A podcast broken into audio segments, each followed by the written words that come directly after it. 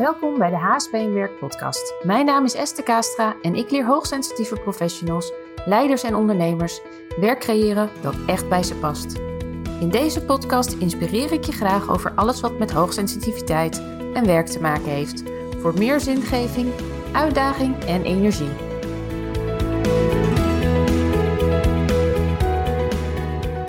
Goedemorgen, middag, avond, wanneer je ook luistert. Welkom bij uh, weer een nieuwe podcast van HSP in Werk. En vandaag interview ik Saskia Kleijsen en misschien heb je wel eens van haar gehoord.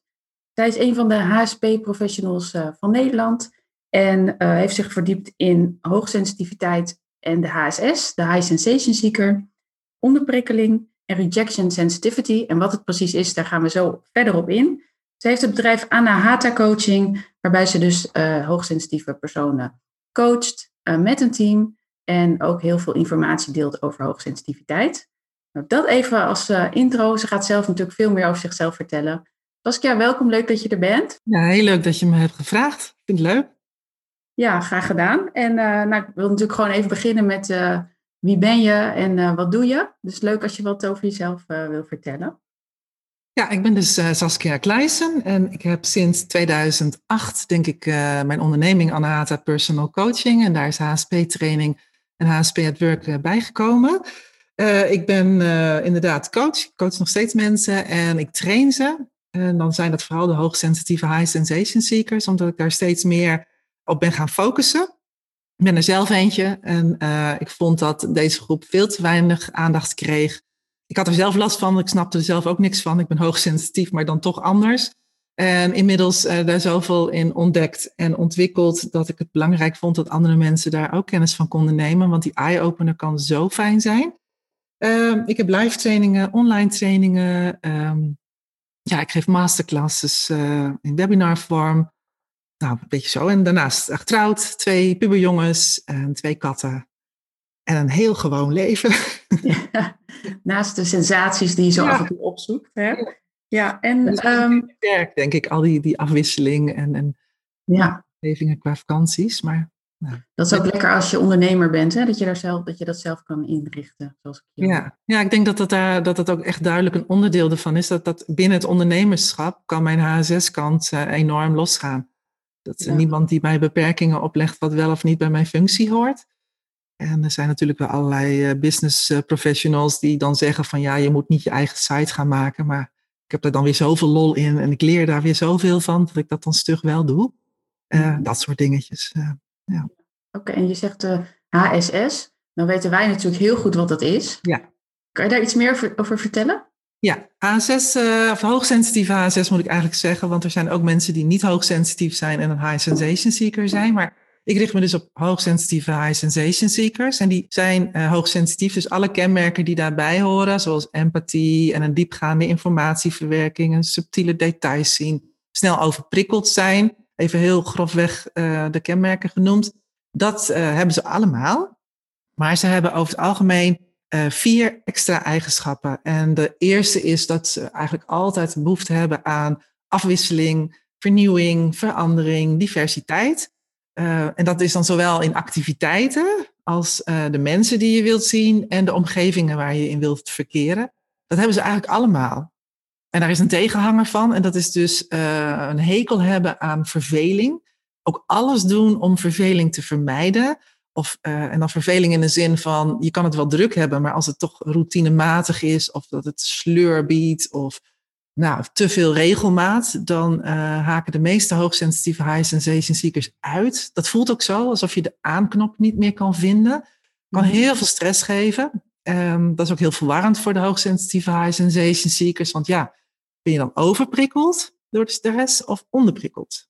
Of ik zeg het verkeerd, stress door overprikkeling of stress door onderprikkeling. En dan zijn er nog twee eigenschappen, die hebben ze niet allemaal, maar dat is uh, ja, verschillend. Het zoeken naar fysieke kick en avontuur. Dat heeft uh, ongeveer, uh, oh, dan weet ik niet eens meer zeker, ik geloof drie kwart. maar waar het om gaat is dat ze dan wel zoeken naar die fysieke, fysieke drive. Dus het fijn vinden om bijvoorbeeld te zeilen of berg te beklimmen of kitesurfen of dat soort dingen. Mhm. En wat in de boekje staat is altijd dat, dat bungee jumpen. Um, oh, En dat is maar één op de tien. En dat vond ik toen zelf wel echt een verademing om eens een keer te ontdekken. Want dat wordt altijd gezegd. Ja, dat staat ook in die uh, test hè, van Elena Aron. Ja, ja, er wordt altijd bungee jumpen bijgehaald. Of uh, met een parachute het vliegtuig uitspringen. Dus die extreme fysieke uitdagingen. Er is dus wel een groepje, meer mannen dan vrouwen.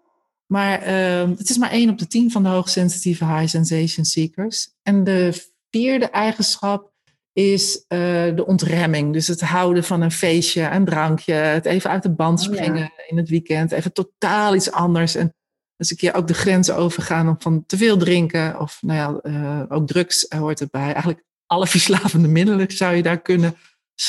Ja. Te veel chocola eten of te veel shoppen of te veel gamen. Nou, alles wat maar dopamine vrijmaakt. Daar, daar zijn ze wat gevoeliger voor, omdat dat geluksgevoelens uh, teweeg brengt. Ja, en wat missen we dat nu dan, hè? Om even nou, gewoon. Uh, ja, het, ik, ik mis het echt om met een stel vrienden in de kroeg door te zakken. Ja, dat, ja, dat deed ik echt niet vaak. Maar dat het nu echt niet meer kan, dat uh, vind ik heel vervelend. Ja. ja, en ook al deed je het inderdaad niet vaak, nu voelt het alsof het helemaal niet meer kan of zo. En dat stond toch weer een ander gevoel, hè? Ja, het is opgelegd. Mijn vrijheid is afgenomen. Dat ja, zullen ja. veel mensen herkennen, denk ik. Ja. Het is lastig dat je niet, tenminste, ik vind het lastig, omdat ik ook wel een sterke wil heb, dat ik niet zelf kan bepalen wat wel en niet kan. Of zo. Dat, ja. dat, ik merk dat ik daar wel moeite mee heb. Ja, oké. Okay. Hoewel ik het wel ook heel veel dingen wel logisch vind, maar toch. Ja. Oké, okay, en nou ja, nu ben je er helemaal achter hoe jij in elkaar steekt en je, je helpt er anderen mee. Maar ja. hoe is dat in jouw loopbaan gegaan toen je daar nog niet bewust van was? Want ja, ik... ja drama. ja. vertel, vertel. Um, nou, ik, um, ja, wat kan ik daarover zeggen? Waar begin je dan? Hè? Ja. Um, middelbare ik, school. Ja, middelbare school, daar, daar begon het eigenlijk al. Daar, ben, daar heb ik een pestverleden gehad. Ik denk dat het wel degelijk kwam door de hooggevoeligheid. Ik uh, was me pijnlijk bewust van alles wat ik deed en wat ik wel of niet kon, of ik er wel of niet bij hoorde. Ik was een erg verlegen meisje daardoor. Dus ik uh, observeerde veel mensen. Um, ik, ja, ik liet me niet snel zien of horen. Uh, ik huilde snel en dat was in de brugklas echt een probleem. Ik, um, ik, ik, was altijd bang dat ik iets niet kon. Ik had eigenlijk nooit echt goed leren leren. Kom ik uh, nu steeds meer achter, nu ik mijn eigen pubers zie leren leren. um, ik, ik kon altijd alles op de basisschool. Dus ik, uh, ja, ik las het, ik hoorde het en dan wist ik het. En op de middelbare school moet je opeens toch wel rijtjes stampen en zo. En oh, ja. ik had daar ongelooflijk snel stress van. Want dan dacht ik, oh, na vijf minuten, ik kan het nog steeds niet. Weet je, dat Oh, ja. uh, paniek had ik dan ook wel eens in de klas. Als ik dan de docent niet direct begreep, dan kon ik echt in uh, tranen uitbarsten. Of als iemand iets lulligs zei. En ja, daar word je dan heel erg mee gepest hè, als je twaalf jaar bent. Dat, Ja. Ik lag gewoon volledig uit in die klas. En dat heeft eh, best wel diepe sporen nagelaten, waardoor ik in het volwassen leven best lang ehm, me in heb gehouden en altijd bewust was van doe ik het wel goed, voldoe ik aan de verwachtingen, hoor ik er wel bij. Nou, alles wat bij afwijzingsgevoeligheid hoort, heeft mij in de weg gezeten. In mijn studietijd is dat wel rustiger geworden. Ik, ik ben sociaal geograaf van huis uit. Um, hele andere studie, een hele brede studie, wat dus heel leuk is als je HSS bent. Want van alle onderwerpen uh, die ik daar heb geleerd, uh, ja, ik vond het meeste vond ik bijster interessant. Van daaruit ben ik bij een, uh, een adviesbureau beland bij, tijdens mijn afstuderen. Op het gebied van woning, markten en wijk- en buurtbeheer. Ik ben uiteindelijk bij de concurrent gaan werken. En dat was wel zo'n heftige overstap van studie naar, naar werk. Ja, dat, dat je opeens in zo'n keurslijf uh, moet werken. Ik, ik, het was ook een commercieel adviesbureau, dus ik had echt een, een, een target van uh, 87% declarabel moeten draaien. Uh, ik deed onderzoekswerk. Nou, iedereen die onderzoekswerk heeft gedaan weet dat onderzoek altijd wel ergens fout gaat. Dus dat kostte altijd meer tijd dan begroot. Dat gaf mij natuurlijk het gevoel van oeh, ik doe het niet goed. Mm-hmm. Dus daar was al mijn eerste burn-out. Uh. Doordat ik ook naar, in mijn tweede jaar daar geloof ik mijn, mijn vaste team, waar ik heel veel steun aan had, waar ik altijd met vragen terecht kwam. Ja, eentje nam ontslag, de ander die werd overspannen en, weer een ander die wilde een uh, hele andere kant op. Dus mijn teampje, die mij eigenlijk een soort van bedding gaf om in mijn onzekerheid te steunen, die viel helemaal weg. En ik kreeg toen ook een leidinggevende waar ik niks mee kon. En nou, ook nog te maken gehad met seksuele intimidatie. En toen, was, was, ja, toen ging het licht gewoon uit. Dus dat ja. was mijn eerste burn-out. En toen was ik 24, 23. Oh ja, ook zo. Ja, ja. ja. ik heb er kippenvel van als je het vertelt. Ja, ja, dat was echt uh, heel zwaar, vond ik het. Ja. Ik werkte ook knetterhard, want ik ben heel loyaal, heel enthousiast. Dus ik wilde ook alles perfect doen. kan helemaal niet, want je bent starter. Maar je zag ook hoe alles moest en hoe het hoorde. En ja, ja, ja, je ja, je ziet natuurlijk hele ervaren mensen, senioren en, en, en partners van uh, dat adviesbureau. Ja, ik was daar wel redelijk door geïntimideerd in die tijd, denk ik. Ja. Maar die eerste burn-out heeft mij wel heel veel geleerd. Zo van ja, wat, wat voor omgeving hoort eigenlijk bij jou? En, en wat, wat wil je nou eigenlijk echt? En ik had bedacht, ja, ik wil helemaal geen projecten draaien. Ik wil helemaal niet rapportjes opleveren die dan uiteindelijk ergens bij een gemeente in de la belanden. Ik wil uh, iets bijdragen aan mensen. Nou, toen ben ik bij de Kamer van Koophandel gaan werken. Mm uh, toen was ik nog uh, in de burn-out en het laatste, ik denk wel het laatste staartje. En toen kwam er een advertentie voorbij. Dat ging toen nog zo, een advertentie in een krant. Ja, heel lang geleden. Ja, heel lang geleden. En uh, ja, dat, daar werd ik heel blij van. Dat was voorlichting geven en er zat een heel opleidingsprogramma bij. En ik mocht daar ik heb daar bijvoorbeeld mijn NIMA-papieren gehaald en ik werd intern heel veel opgeleid. Het uh, ging over import en export en uh, ondernemersplannen en marketingplannen. Nou, eigenlijk alles wat maar bij ondernemerschap hoorde. Zat een complete opleiding bij. En dat mocht ik dan overdragen aan andere mensen die dan een bedrijf wilden starten. Dan kon ik het hele traject uitleggen. En uh, dat is ja. tegenwoordig ook niet meer zo. Die diensten hebben ze niet meer. Maar dat heeft me heel veel plezier gegeven. Ik denk twee jaar. Oh ja, de max hè? Twee jaar. Ja, dat is wel een beetje mijn max. Uh, en toen dacht ik dat ik weer in de burn-out kwam. Want uh, toen de tijd was mijn schoonvader heel ernstig ziek. Die is uiteindelijk ook overleden. Hmm. Dat had een hele grote emotionele impact om dat allemaal eh, mee te maken. En ik had te maken op mijn werk met steeds herhalende verhaaltjes. Dus iedere ondernemer is nieuw die aan je tafel uh, belandt of in, in de training zit. Maar het verhaal is niet heel erg anders. De, de, stappen die je moet nemen als startende ondernemer is voor iedereen gelijk. Dus ik hoorde op een gegeven moment mijn, mijn eigen verhaaltje, mijn eigen riedeltje de hele dag door terug. Oh, dus ja. Uh, ja, dat zorgde voor onderprikkeling. Ik werd niet meer uitgedaagd. Ik, ik, werd helemaal wakker als er een keer een moeilijke vraag was, dat ik zelf even de boeken in kon duiken en dingen kon uitzoeken. Maar voor de rest uh, vond ik het heel saai worden. Merkte je dat ook dat dat toen onderprikkeling was? Of was je nog helemaal niet bewust van hoogsensitiviteit? Ja, ik, ja, ik, ik, ik, wist inmiddels dat ik hoogsensitief was. Dat had ik ontdekt in de eerste burn-out. Toen iemand mij dat vertelde van... Goh, ben jij niet gewoon hoogsensitief? Uh, dus dat wist ik in die tijd al wel. Maar ik, ik, ik, ik kende stress. Weet je wel, stress word je moe van en down en depressief. En uh, dat gebeurde me weer. Dus ik dacht, ja jeetje, dan zit ik niet meer bij zo'n commercieel adviesbureau. Ik heb die targets niet meer. Ik heb best wel wat... wat wat vrijheid in de zin van, ja, het zijn mijn eigen klanten die komen, uh, niemand die me op mijn lip zit. Wat is dat toch? Dus ik, ik dacht gewoon van, ja, dit is weer een burn-out en dat zal dan wel een combinatie zijn van mijn werk en, en, en privéomstandigheden. Pas, nou, ik denk echt een jaar of vier dat ik pas besef van, joh, ik was daar zwaar onderprikkeld. Ik werd helemaal niet meer intellectueel uitgedaagd. Er zat weinig uh, variatie in. Ik zat de hele dag op de, dat kantoor, op dat ene bureau en dezelfde mensen om me heen. Ja. Dat was echt onderprikkeling. Ik, ik, leerde toen niet meer, vond ik. En toen heb ik intern gesolliciteerd naar een baan die weer een beetje terug was naar mijn vakgebied van sociale geografie. Dus ik ging uh, naar een afdeling waar ze heel projectmatig werkten. Mm-hmm. Ook weer veel beter uh, en vaker de deur uit kon. En daar zat ik met groepjes ondernemers en overheden over met name toerisme. Aansluiting onderwijs, arbeidsmarkt was mijn onderwerp. En ik had ook nog een onderwerp dat ging over het op, opknappen van bedrijfsterreinen. Nou, dat was super divers. En helemaal het toerisme en het onderwijs, dat vond eigenlijk geen enkele collega leuk. Dus ik mocht dat helemaal zelf vormen. Projecten met, met, met uh, partijen opzetten, geld en financiering daarvoor te zoeken.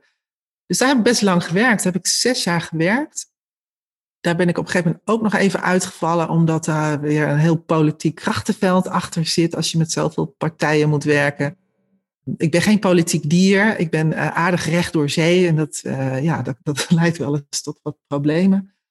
Waar, waar wat niet altijd gewaardeerd werd. Hè. Je kunt niet tegen wethouders alles zeggen. Nou ja, ik zag niet in waarom dat niet zou kunnen, maar dat was wel. Ja, ja, dat bleek dus. Pijnlijk dat dat niet kan. Um, en daar ben ik wel echt wel een beetje ook weer op dood gelopen. En um, ik kon ook slecht tegen de hiërarchische lijnen waar ik in belandde. Dus ja, ik, eigenlijk zou je kunnen zeggen dat iedere, ieder stukje loopbaan is, is afgesloten met een uh, soort van crash. Van oh ja, ja, ja. Ja. waarbij ik weer eens heel goed ging nadenken, hoe is dit toch ontstaan? Want in iedere baan ben ik met vol enthousiasme ingesprongen. ik heb ook bij iedere baan goed gefunctioneerd, altijd goed beoordeeld. Ehm, mensen waren blij met mijn enthousiasme en, en volle inzet en perfectionisme. Ja, daar kan ik me natuurlijk alles bij voorstellen. Maar dat ging iedere keer toch over mijn eigen grenzen, omdat ik veel meer bezig was met de omgeving, wat die vonden en wat die van mij verwachten. Dan dat ik nog goed voelde van, maar past dit nou bij mij? Mhm. En vind ik het allemaal nog wel leuk? En uh, hoor ik in deze omgeving? Wil ik nog een keer dit project doen? Want er zit ook wel wat herhaling in af en toe. En uh, nou, ik ben in die tijd wel heel veel opleidingen gaan volgen om mezelf beter te snappen. Heel veel persoonlijke ontwikkelingstrainingen gevolgd. Ik kon het ook goed kwijt in mijn werk. Als je met heel veel verschillende partijen moet werken, is het toch wel heel fijn dat je ook coachingsvaardigheden hebt om op een bepaalde manier vragen te stellen en mensen bij elkaar te kunnen brengen. Heel veel profijt van gehad, maar daardoor ook mezelf gewoon beter ben gaan leren snappen. En toen heb ik ook besloten van, nou, ik wil echt richting coaching en training. En toen heb ik een overstap gemaakt naar uh, de Hogeschool Utrecht. Uh, in het ondernemerschapsonderwijs heb ik uh, drie jaar gewerkt. Dus dat was heel leuk, was individueel onderwijs. studenten deden projecten bij bedrijven en moesten op school dan de competenties aantonen. En ik, ik was docent, maar ook vooral coach en mentor. Om ze zeg maar, in hun loopbaanpad ook te begeleiden. En hun eigenlijk steeds te herinneren wat ik zelf wel eens kwijt was geraakt. Van ja, maar wat vind jij nou leuk? En als jij dat zo leuk vindt, wat kunnen we dan doen binnen de opleiding om jou daar ook naartoe te leiden? En uh, mogelijkheden te scheppen. Dat was fantastisch bij die opleiding toen de tijd. En als je dan terugkijkt naar uh, die loopbaanstappen die je gemaakt hebt. Mhm. Op basis waarvan maakte jij de volgende keuze? Um, oh, dat is wel een hele goede vraag. Hoe deed ik dat? Nou, wat ik zei, het begon altijd met een crash. ja. En uh, dat gaf me vaak met veel emoties, waardoor je ook niet zo goed bij jezelf kan zijn. Je moet eerst even ontdekken van, maar wat gaat er nou precies mis? En dat moet je aangaan. Dus of in gesprekken of iets met jezelf. En vervolgens kwam ik dan toch al heel snel tot ontdekking van, ja, maar wat mis ik dan? Dat ik denk dat de vraag, wat mis ik? Misschien wel het meest heeft geholpen. En, en dan uh, merken van, oh, uh, mezelf voorstellen van oh, wat nou als ik dat zou kunnen creëren, voor mezelf al heel snel enthousiast werd. En ik ben erg oplossingsgericht en daadkrachtig wat dat betreft. Dus ik ging altijd op zoek van, oké, en hoe ga ik dat dan realiseren? Ja. Dus met die opleidingen bij, uh, tijdens de tijd van de Kamer van Koophandel is het al gestart dat ik richting coaching ging. En ik wist dat ik één op één meer wilde doen. En ja, ik, ik ben toen ook op een gegeven moment gaan praten met directeuren van, van allerlei scholen die in mijn netwerk zaten van mijn werk. Van joh, jij kent mij en uh, hoe zit dat in het onderwijs? Zou dat bij me passen en wat zou er dan passen? Ik denk hieraan en uh, hoe zie jij dat? En ja, daar heb ik echt wel hele goede gesprekken over gehad, waardoor ik ook wist van ja, ik ben geen docent die een lesje kan afdraaien. Dat heb ik wel echt ontdekt door die gesprekken. Van ja, dat soort onderwijs past me niet. Mm Het past me wel als dat uh, gemixt is met uh, persoonlijke ontwikkeling en zelf programma's mogen ontwikkelen. En dat komt bij small business. Dus een van die directeuren heeft mij daar toen op gewezen van joh, deze opleiding bestaat. Ga daar eens babbelen. Oké. Nou, ja. dat was toevallig een vacature, dus toen ben ik op gesprek gegaan. Ja. Ja, dus uh, erg zoeken en dan en gewoon verder gaan. Want ik, in die opleidingen ben ik doorgegaan tijdens de hogeschooltijd. En ik ben toen ook al uh, met een praktijk gestart. Dat was tijdens die baan. Dus toen had ik ook mijn combinatie werk en privé beter afgestemd. Uh, ik had jonge kinderen in die tijd en uh, banen die soms tot uh, s'avonds laat duurden. Dus dat was voor mij nog een extra push om te zorgen dat ik een baan kreeg waar ik s'avonds gewoon vrij was en ook parttime kon werken. Dat mhm. vond ik belangrijk. Dus en wat maakte dat jij ook die onderneming startte? Ja, dat, was, dat is alleen maar verlangen geweest. Dat ik dacht van hoe gaaf zou het zijn als, ik, als niemand mij meer op, mijn, op het matje kan roepen, wat dan ook. Hoe leuk zou het zijn als ik helemaal zelf kan verzinnen wat ik wil. Dat, dat ik als ik een project draai, uh, dat ik dan ook een event mag draaien. Dat niet de afdeling communicatie dat dan moet doen.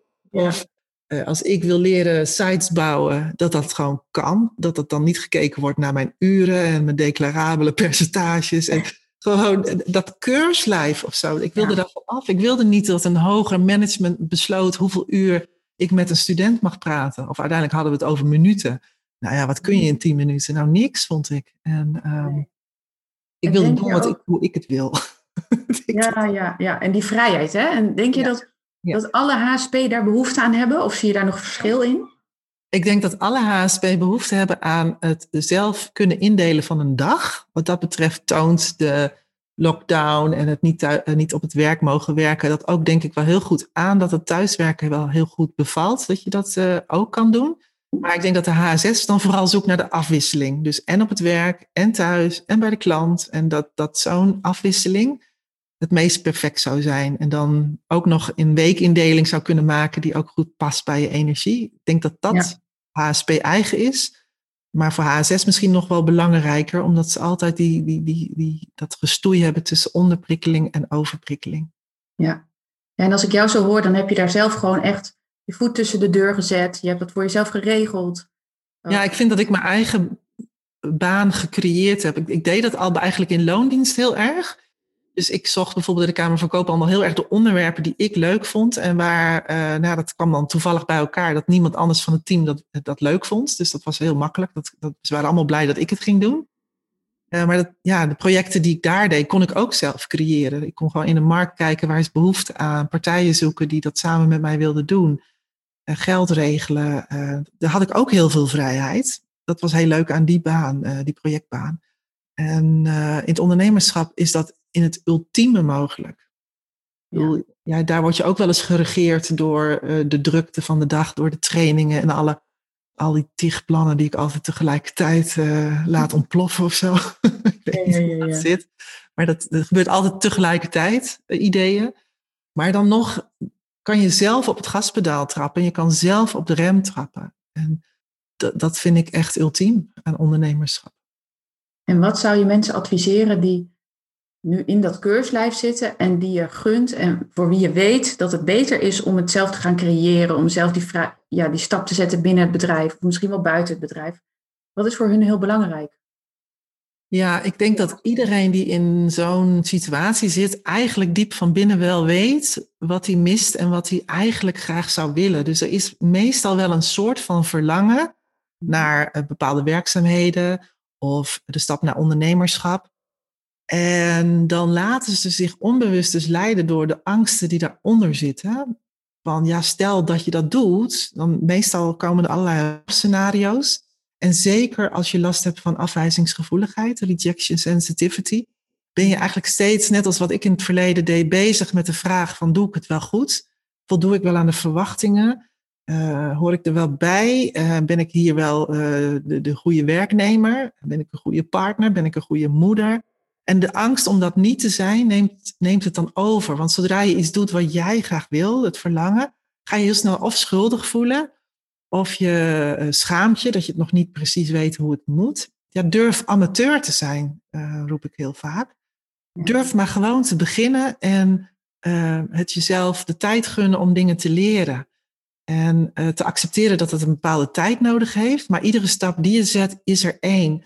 Want tijdens die Kamer van Koophandeltijd was ik al bezig met allerlei coachopleidingen. Terwijl ik eigenlijk niet eens wist of ik het wel wilde zijn. Maar ik vond het heel leuk. Dat was eigenlijk het enige waar ik contact mee had. Van ja, ik vind het heel leuk. En ik creëer de omstandigheden dat ik dat voor elkaar krijg. Ja. Ik heb heel wat afgelobbyd om opleidingsgeld los te krijgen. En, en, te, en te vertellen hoe nodig dat was voor deze baan. Oh, ja. ja, ja, ja. Dan, dan gaat natuurlijk een werkgever meehelpen. En ik heb er ook echt profijt van gehad uh, in die banen. Alleen het was wel altijd toch met een stiekeme blik op een potentiële toekomst waar ik naartoe probeerde te werken. Ja. En dat was toen niet zo concreet. Ik heb toen nooit gedacht dat ik een eigen coachingspraktijk zou hebben. Uh, ik dacht toen nog wat meer in, in banen, denk ik. Maar er is veel mogelijk. Want veel mensen denken, ja, daar heb ik geen geld voor. Of nee, dat kan nu niet in mijn gezinssituatie. Ja, ik had ook jonge kinderen. En die kinderen hebben een papa en een mama. En die kunnen ook echt wel een keertje zonder de mama. Ja. Alhoewel ik als moeder best vaak opmerkingen heb gekregen van... Goh, heb jij nou alweer een opleidingsweekend? En je kinderen dan? Oh ja, dat ja. wel heel bijzonder. Ik dacht, ja, ja. ja die kinderen. Je hebt er ook een vader. Ja, je bent een leukere moeder als je ook wat, wat zelf wat te doen hebt, hè? Anders is het ik ook weer onderprikkeling. Ik wel, ja. ja, ik, ja. ik had dat echt nodig. Ik, zou, ik heb heel diep respect voor ouders die alleen de zorgtaak op zich hebben genomen. Ik vind, Ja. ik vind het hard werken om moeder te zijn. Ik vind het ook heel leuk, dus ik heb altijd gekozen voor parttime constructies. Ook in mijn ondernemerschap, ook nu ze puber zijn, zorg ik dat ik ook voldoende thuis ben om even te kunnen helpen met huiswerk of even iets samen te kunnen doen. Dat vind ik belangrijk. Uh, maar fulltime, nee, ik heb echt prikkels nodig. Ik, ik, ik wil dingen leren, ik wil afwisseling, ik wil mensen om me heen, ik wil Saskia kunnen zijn en niet partner of moeder van. Weet je, dat, ja, ja. ja, nee, ik, kan, ik zou dat niet, uh, niet los kunnen laten. Dat leren ook niet. Ik vind het heerlijk om nieuwe opleidingen te doen, met te ontwikkelen. Mooi. En waar ben je op dit moment mee bezig? Ik heb een lijstje. Dus dat deze ging komen. Um, ik ben bezig met een professionaliseringsslag uh, in het bedrijf. Uh, omdat ik natuurlijk heel veel leuk vind, doe ik ook heel erg veel zelf. Um, waaronder de, de, de internetmarketing, dus de social media marketing, vind ik heel leuk om te doen. Maar is wel echt een specialisme als je goed aan de knoppen wil draaien, als je met uh, advertenties werkt zoals ik. En dat ben ik aan het professionaliseren. Ik, ik heb mezelf er even drie maanden voor gegeven om dat totaal uit te besteden en te kijken wat dat brengt. Nou, we zijn nu een mhm. weekje onderweg en ik zie nu al dat ze dingen doen waarvan ik echt het bestaan niet wist. Dus oh ja. uh, ik vind het leuk om ervan te leren. Ik, ik vind het ook fijn dat dat deel uh, van me af, ja, hoe zeg je dat, dat ik dat heb uitbesteed, omdat dat deel niet meer leuk is. Weet je, ik vind het leuk om, om iets te maken. Maar om dan te plaatsen en te zorgen dat het blijft lopen, vind ik gewoon niet zo leuk. Dus dat, dat, daar ben ik mee bezig. Dat heeft de afgelopen weken wat tijd gekost om er allemaal over te dragen. En uh, ik ben begonnen met het boek Prikkels bijten niet uh, op te gaan nemen als luisterboek. Dus ik ben nu in een professionele studio in Amsterdam aan het voorlezen. Dat vind ik echt zwaar vermoeiend trouwens. ik dacht, dat doe ik wel even. Maar jee, ik heb gisteren twee uur gelezen. Ik was echt gesloopt. Ja. En vertel eens je boek, want uh, dat weet natuurlijk niet iedereen.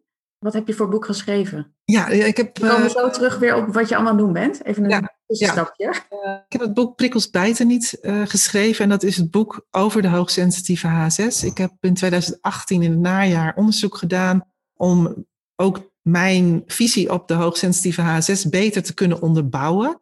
Uh, want ik denk, ja, het boek moet meer zijn dan alleen mijn mening. Ik wil echt laten zien dat het niet zomaar is wat ik zeg, door al die ervaring die ik met cliënten heb opgedaan. En dat heeft ook voor mij verrassende gegevens uh, opgeleverd, maar dat staat in het boek allemaal beschreven. Uh, die vier kenmerken waar ze echt in onderscheiden, dat, dat vind ik wel echt een belangrijke bijdrage van dit boek. de spagaten, waar, waar, waar hoogsensitieve H6 in belanden, dus die enorme struggle van ja, stress, onderprikkeling, overprikkeling, flow hoge pieken, diepe dalen. Hoe, hoe kun je dat nou een beetje wat meer golvend laten zijn in je leven? En uiteraard heel veel aandacht voor onderprikkeling. Wat is dat nou? Omdat er eigenlijk in hoogsensitiviteitsland alleen maar aandacht is voor stress door overprikkeling. Tot mijn vreugde zie ik, als je nu googelt op onderprikkeling, dat heel veel HSP-coaches dat inmiddels hebben omarmd. Uh, het ook herkennen. En uiteraard heb ik het over afwijzingsgevoeligheid, omdat dat dat, dat fenomeen van het goed willen doen, pleasen, perfectionisme altijd rechtstreeks geplakt werd op hoogsensitief zijn. En ik ben er echt van overtuigd geraakt dat dat, dat niet per se zo hoeft. Je, je mag het goed willen doen, je mag uh, goed werk willen leveren, maar je moet niet in een soort van wurggreep belanden waardoor je, je keuzevrijheid uh, afgenomen wordt. Dat je eigenlijk alleen nog maar kan dealen met uh, ja, de stress die het oplevert door te kopen, door door uh, ja, automatisch gedrag te vertonen. Zoals pleasen, zoals perfectionisme, zoals alles onder controle willen houden. Of vreselijk mopperen op andere mensen. Of sterk willen zijn, doorzetten. Dat, dat is allemaal gedrag wat dan automatisch gebeurt.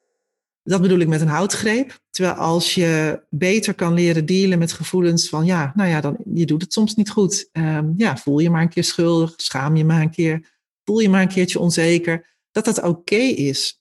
En dat je ondanks die gevoelens toch andere keuzes kan maken. Dus toch kan springen naar ondernemerschap of toch die, ja, die sollicitatie naar die totaal andere baan. Ik vergeet nooit meer dat echt buren mij soms fronsend aankeken van, maar je bent toch projectleider met gemeentes en zo. Hè, ga jij nu opeens schooldocent worden in, een, in, in ondernemerschap? ja, die verbazing van die, die carrière stappen, die, daar heb ik veel mee te maken gehad. En ja, als je heel erg denkt van, oh, ik doe het niet goed, zou je jezelf zomaar kunnen afremmen. Dat je denkt, ja, ik moet ook maar eens tevreden zijn met deze baan. En ik, ik moet toch ook gewoon een standaard carrièrepad in mijn vakgebied kunnen doen. Nou, als je minder last hebt van afwijzingsgevoeligheid, dan, dan kan je ook jezelf de kans geven om jezelf niet af te remmen en toch de sprong te wagen. Hoe spannend dat ook is. Ja, mooi. Ja, en uh, nou, hoe kwamen we hier? Want je was aan het vertellen waar je nu mee bezig bent. Oh ja. ja. ik ben ook gewoon aan het coachen. Wel veel minder, want uh, ik was aan het minderen met coachen omdat ik meer trainingen geef. Nou, door de lockdown mag ik geen training geven, maar wel uh, coachen. Dat doe ik met een boek voor tieners te maken met Sandra Kleipas. Dat is een, een HSS-coach in België. Omdat er voor tieners eigenlijk op dit gebied ook helemaal niks is. Dus wij willen uh, ja, alle kennis die wij hebben vertalen naar, naar uh, taal voor tieners. Dat ze ook snappen wat hen al op die middelbare school gebeurt. Uh, ik ben bezig met het broeden over een boek over de afwijzingsgevoeligheid. Maar dat is echt nog het broedstadium. Dus dat wil ik dan samen doen met, met Hanneke, een coach die bij mij aangesloten is. En waar we samen ook een opleiding hebben gemaakt voor coaches die ja, toch beter willen weten, wat kan ik dan doen met een cliënt met rejection sensitivity? Wat, Welke interventies helpen? Wat, wat zit er nou eigenlijk voor mechaniek en, en processen achter? We hebben een hele ja, een nieuwe theorie op ontwikkeld. En het grappige is, door de lockdown hebben we nu nog meer tijd om dat uit te werken. Dus eigenlijk de opleiding wordt eigenlijk alleen maar beter. Doordat we die processen veel beter uittekenen en inzichtelijk maken.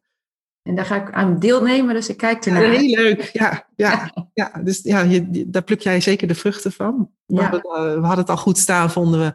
Maar het wordt nu alleen maar beter, omdat we er toch nog wat meer tijd aan geven. Ja, mooi. En ik ben aan het meehelpen met een groepje HSP-professionals om de week van de HSP 14 juni tot en met 20 juni te organiseren. Oh, dus een week vol aandacht voor hoogsensitiviteit en ook de hoogsensitieve HSS workshops, lezingen.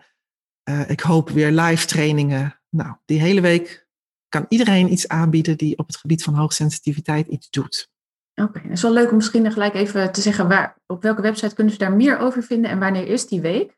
Dat is www.weekvandehsp.nl. Oké, en de week is in juni geloof ik, hè? 6 ja, 14 tot en met 20 juni. 14 tot en met 20 juni, ja. Oké, dus als je daar meer over wilt uh, lezen, of je wil opgeven voor iets, kan je daar even naartoe gaan. Ja. En, misschien... Oh ja, sorry. Ja. ook wel eens iets te binnen. En ik heb ook een YouTube-kanaal uh, gestart. Om korte filmpjes van een, uh, ja, tussen de drie en de vijf minuten veel uitleg te geven over alle onderwerpen waar ik me mee bezig houd. En dat probeer ik zo visueel mogelijk te doen. En ja, ja. maar je hoeft je niet te vervelen, zo te horen. Nee. nee. Super om te, om te horen waar je allemaal mee bezig bent. Uh, misschien ook nog even inderdaad goed van waar kunnen ze mensen meer informatie over jou vinden? En eventueel het boek? Ja, ja het meeste is op mijn site van www.anahata-coaching.nl te vinden. En het mhm. boek is een aparte site voor, dat is www.prikkelsbijtenniet.nl. Ah, Oké, nou ik zal het er ook nog even bij zetten op de websitepagina. Ja. Um, nou, ik kan nog wel een uur met jou doorpraten, dat weet ik zeker. En misschien doen we dat ook nog wel een keer. Of in de podcast. En sowieso daarnaast.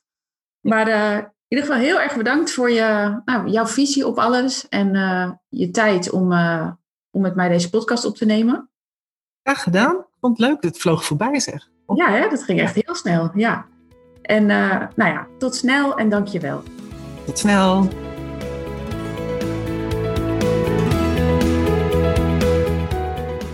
Dankjewel voor het luisteren bij de HSP en Werk podcast.